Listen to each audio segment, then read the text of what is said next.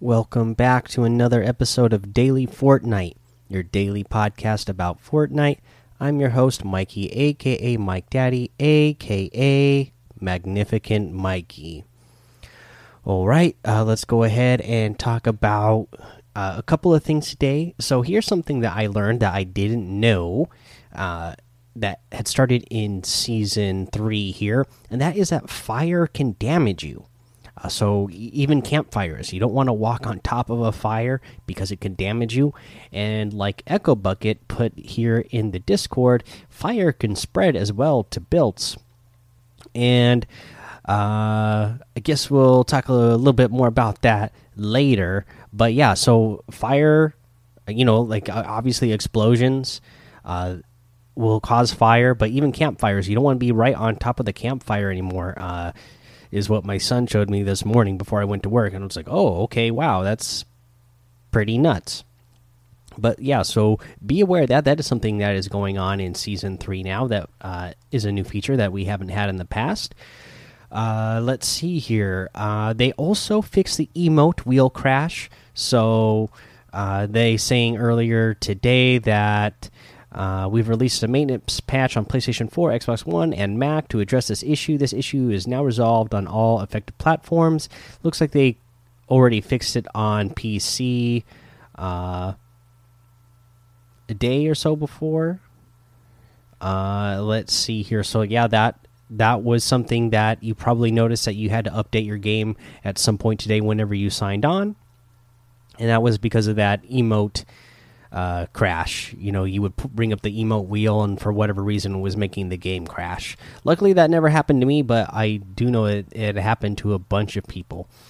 Uh, also, uh, the Storm King for you Save the World players, we're aware of the Save the World issue impacting the Storm King and his environment. We are now we are working to get this resolved, and we'll keep you updated. So, if you're a Save the World player uh, and you're trying to do the Storm King stuff, looks like there is an issue going on with that. Hopefully, they get that fixed soon. Uh, let's see here. I think that's all I'm going to do for news today. So let's go ahead and talk about uh, one of these challenge tips for uh, the challenge. Let's go ahead and do the one where you need to deal damage within 10 seconds of landing from the Whirlpool at Hydro 16. Again, if you don't remember where Hydro 16 is, that's all the way down in D7. Uh, it's the big dam there. And then there is a big whirlpool there now. The way I was able to get this challenge done pretty easily was go.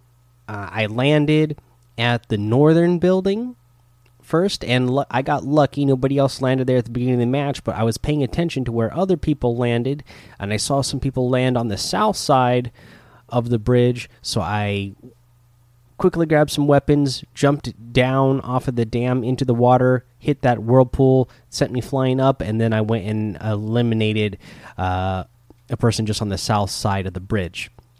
So when you're trying to do this challenge, make sure you're aware of where other players are because this challenge you know this is a week one challenge. Is there's going to be a few people trying to do it probably at the same time as you. Uh, that's what that's what i figured was going on. That's why i had like three or four people that landed in the same area as me.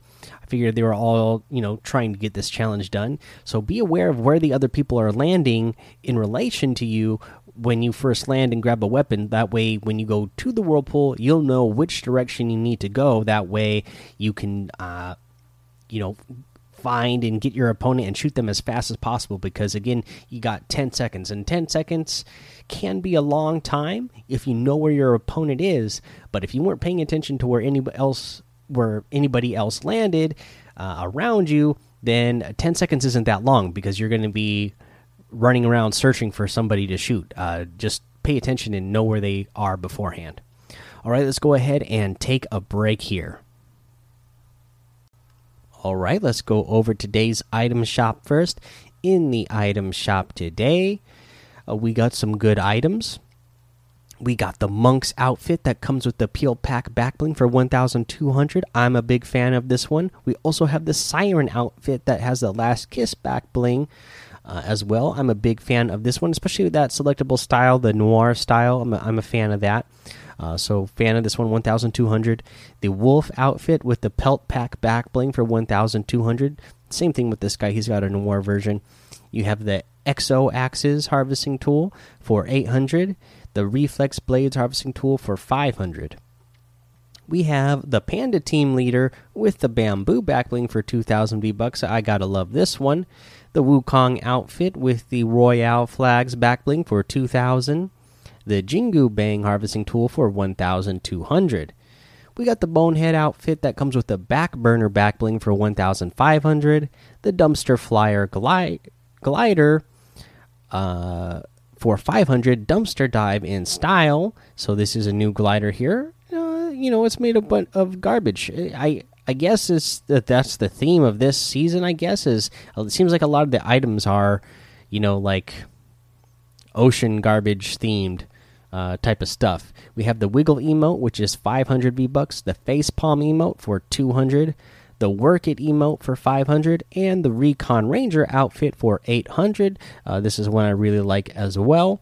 You can get any and all of these items using code Mike MikeDaddy, M M M I K E D A D D Y, in the item shop, and some of the proceeds will go to help support the show. Since the season is so new, I'll also remind you you can use that creator code to get your battle pass as well, and that will also help support the show. All right, let's talk about our tip of the day. At the beginning of this episode, we talked about how I found out that fire, uh, you know, environmental damage can uh, happen now. Uh, you know, there's fire from the campfires. There's fire from explosions that will spread on things. There's, uh, uh, you know, other explosions will will cause fire and cause bills to be on fire. What uh, Echo Bu Bucket posted in the Discord is that you can use the the chug splashes to put out the fires. So that is going to be very helpful. Good thing to know. Uh, and also, uh, like we talked about at the beginning of the episode, don't stand right on top of fire uh, now as well, even the campfires, because it, it, it will damage you. So. Uh, that is a very interesting change that they added in here. I haven't seen it talked about a whole lot, so I don't know how people uh, are liking this, but I think it is really cool for the game that they are continu continuing to make these type of changes and innovations uh, to the game that we, we we're not really seeing in other battle royales. So uh, you know, very interesting. Not sure if it's something uh, I'll like in the long run. We'll, we'll, see. I mean, there's so many different things. I'm thinking now. You know, what if they added some sort of weapon in the future that, uh, you know, like a flamethrower? You know, that would be cool, right? And then you uh, could, you know, it wouldn't be dealing big damage, but you could catch somebody's build on fire, and that would be a way to weed somebody out of a build. Uh, you know, and that that would have us doing less uh, box fights and holding holding a wall. That would that could cause some more people moving, just like we used to have. Uh, when stink grenades were more prominent, I should say, when stink grenades were more prominent, they were something that uh, could get people out of the builds. I know it was something that was looked at as OP as that as they did too much damage to a lot of competitive players.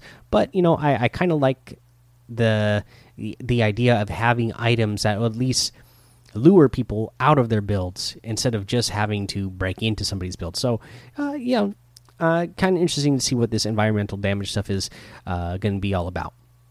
All right, guys, that's the episode for today. Go join the daily Fortnite Discord and hang out with us. Follow me over on Twitch, Twitter, and YouTube. It's Mike Daddy on all of those. Head over to Apple Podcasts, leave a five star rating and a written review for a shout out on the show. Make sure you subscribe so you don't miss an episode. And until next time, have fun, be safe, and don't get lost in the storm.